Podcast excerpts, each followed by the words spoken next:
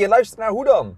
De podcast over hoe je naar een andere soort organisatie kan gaan. Moderner, vrijer, geen bureaucratie, geen managers, dat soort dingen. Er zijn veel organisaties die dat willen, maar niet precies weten waar ze dan moeten beginnen. En daarom hebben wij onze podcast Hoe dan genoemd.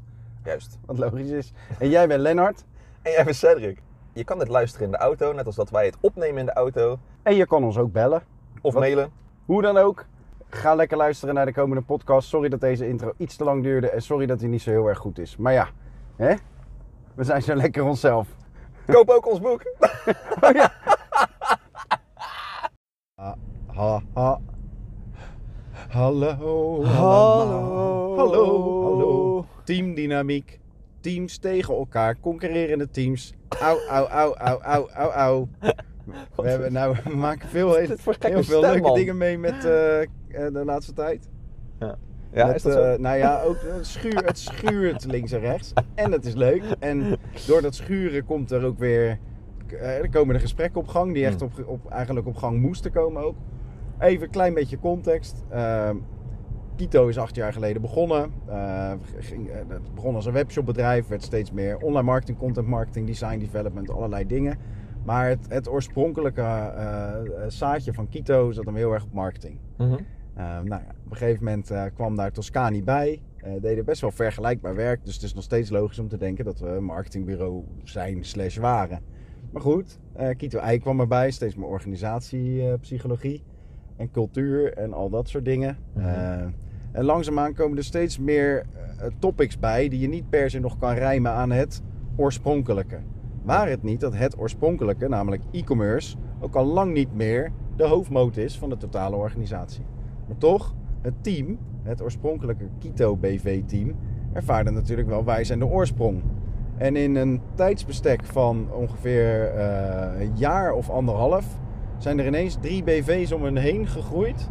En is de holding van Kito ook ineens geladen. Dat is Kito Ventures, dat is dan what's in a name. Maar het totale Kito is ineens veel meer dan wat het oorspronkelijke Kito was. Mhm.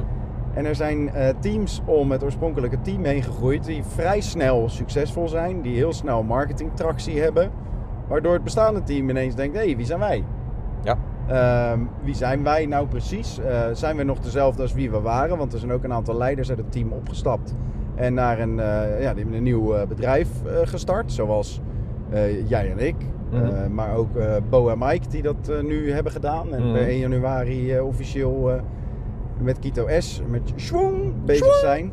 Nou, best wel pittig voor zo'n team. Nou, wat gebeurt er nou? Eh, Een klein beetje eh, de- de hoogspanning erop van een ongelofelijke werkdruk. Want het is op de een of andere manier bloeddrukte. De leads die vliegen eh Kito K om de oren op het moment. Ehm, en die zijn best wel ook met hun eigen positionering bezig. Dus los van wat kunnen we nu precies? Wat is nou die toegevoegde waarde die we aan klanten bieden? Nou, dat lijkt hem heel erg te zitten op het verleiden, het verleuken, versimpelen. Maar dan vooral het verleiden en verleuken. Dus eh, de klant van de klant eh, overtuigen om eh, loyaler aan, de, aan onze klant te worden. En Mhm. het verleuken, zodat onze klant leukere bedrijven of merken worden. Mhm. En dat zijn ze aan het omzetten in een website.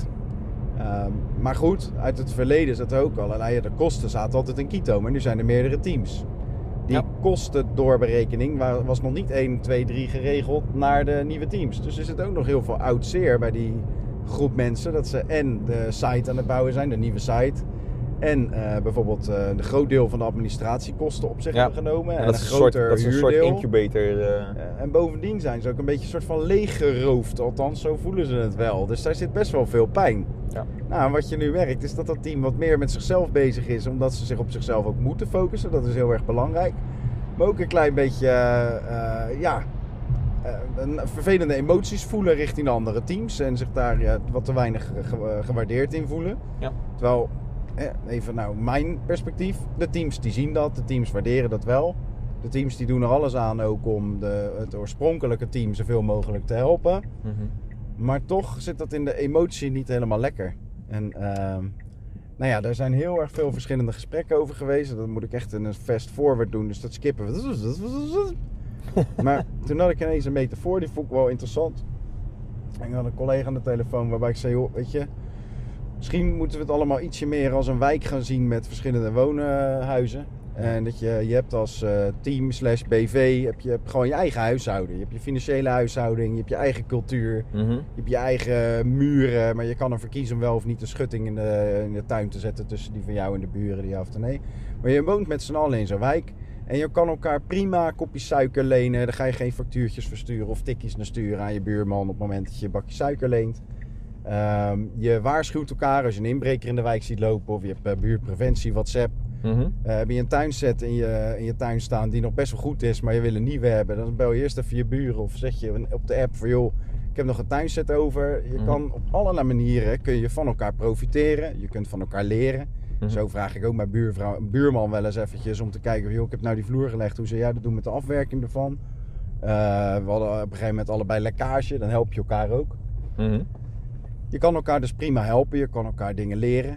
Mhm. Eh, maar heb je dan een soort gemeente nodig die daar dan, eh, Nou, die daar dan eh, boven hangt? En, dat waar de politie in zit en de... Nou ja, in principe is dat de staat, die bestaat al, weet je. Je bent je eigen autonome wijkje en je, je kan ook van de openbare voorzieningen gebruik maken, de weg, et cetera, et cetera. Maar doe ook een aantal dingen die je met je buren ook niet relaxed zou vinden. Bijvoorbeeld, parkeer je auto niet bij elkaar onder de carport of op elkaars gereserveerde parkeerplaatsen, weet je. Dat is best irritant. Mhm. Of probeer ook niet met z'n tweeën te strijden om dat enkele tuinset wat er nog is die je allebei willen hebben, weet je wel. Doe dat Ja, ik gewoon heb een hele, ik, ja, ook een goede, inderdaad, eh, weet je wel, eh, elektrische palen, want daar heb ik last van. Dat je, dat niet te lang blijft staan bij je elektrische paal.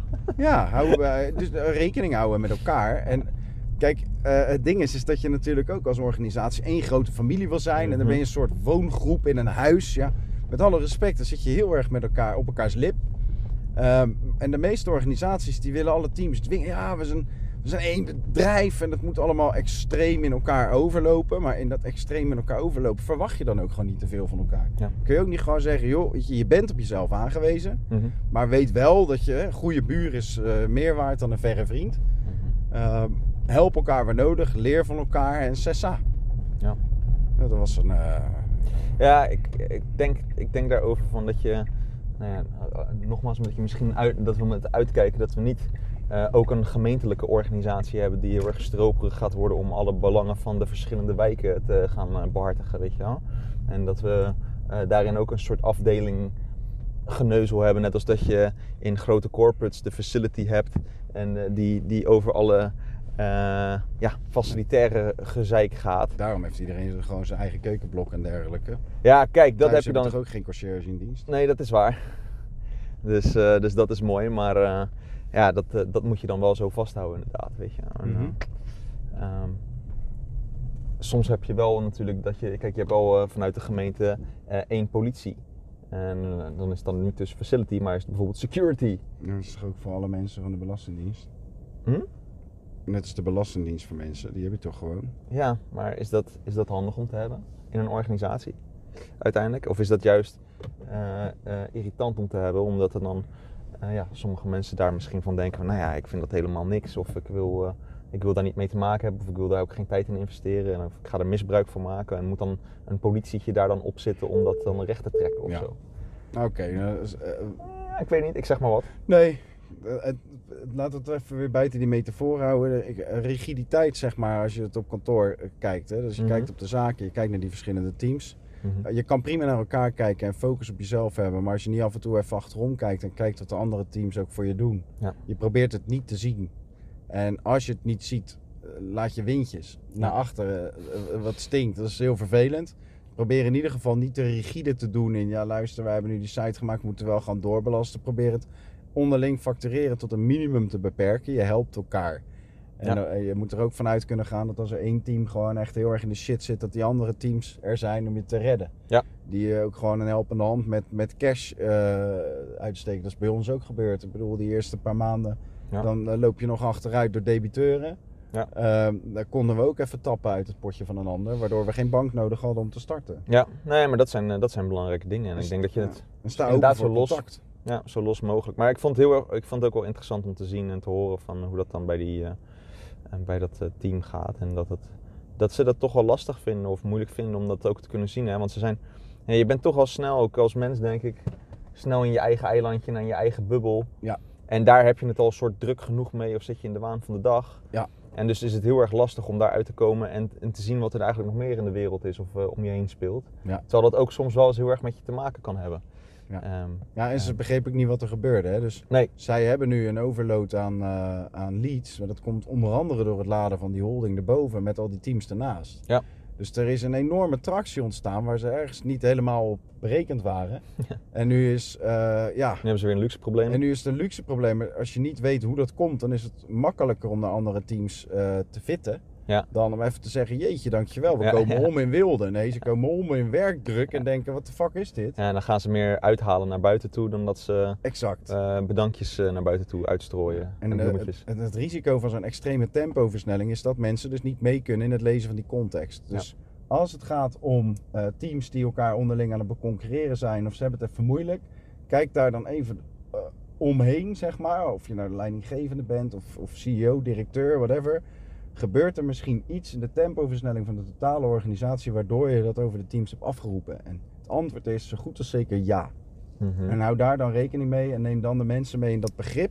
Ja. Eén. Mhm. Twee, zorg ervoor dat ze contact willen hebben met elkaar. Want een nieuwe buur in de, in de wijk die helemaal geen hallo zegt tegen een ander. Nou ja, wordt toch met de nek aangekeken. En drie, rigiditeit en ja maar is verboden. Dus zou het niet vet zijn als we gewoon lekker liefdevol en met veel vertrouwen met elkaar dan als teams omgaan. En Ja. dat je weet dat je Het beste voor elkaar afhankelijkheid Ja. hebt. Ja. Het is eigenlijk hetzelfde als met collega's. Maar dan moet je een team ook als een persoon gaan zien. Ja. En dan eh, ben je klaar. Wel hebben we eigenlijk gezegd? Ik heb geen flauw idee waar deze hele podcast over ging. Teamdynamiek. Teamdynamiek was het. Oh, hoe zei je dan ook weer? Teamdynamiek. Iets in die richting. Nou, ik vond de dynamiek tussen ons in ieder geval eh Ja, we hebben ook een, be- een beetje gehaast ook. Hè? Ja, dat geeft niet. Nee. Nee. Het is een rare podcast, dag. Lief allemaal, dag.